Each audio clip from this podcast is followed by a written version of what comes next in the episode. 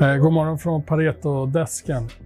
USA stängde ner 0,3 på S&P 0,35 på Nasdaq igår. Huvudeventet under gårdagen var nya hökaktiga kommentarer från eh, Fed-representanter som menade på att eh, räntan kunde behöva stiga så mycket som till mellan 5 och 7 procent. Initialt så sände det här marknaden neråt men sen återhämtade den sig mot slutet av sessionen.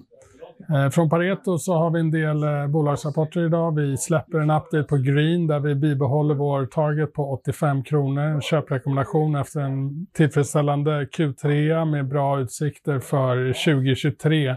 Släpper även en uppdatering på Elux där vi sänker riktkursen till 175 från 215 men bibehåller en köprekommendation. Elux har det motigt, tufft i USA men vi ser att värderingsstödet är tillräckligt bra för att ändå ha en uppsida i aktien. Sen släpper vi två uppdateringar inom IT-sektorn.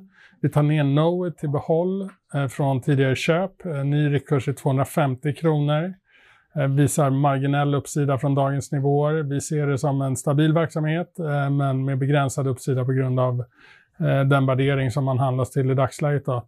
Eh, sen så släpper vi även en uppdatering på B3 där vi eh, har en köprekommendation och en riktkurs på 225 kronor. B3 är vår preferred pick inom it-konsultsektorn i Sverige. Bolaget har genomgått en ganska ordentlig förändring under de senaste, ja, sedan 2021 när man fick in ny, nytt management i bolaget eh, och det här har resulterat i en kraftig marginalexpansion. Efterfrågeläget är bra.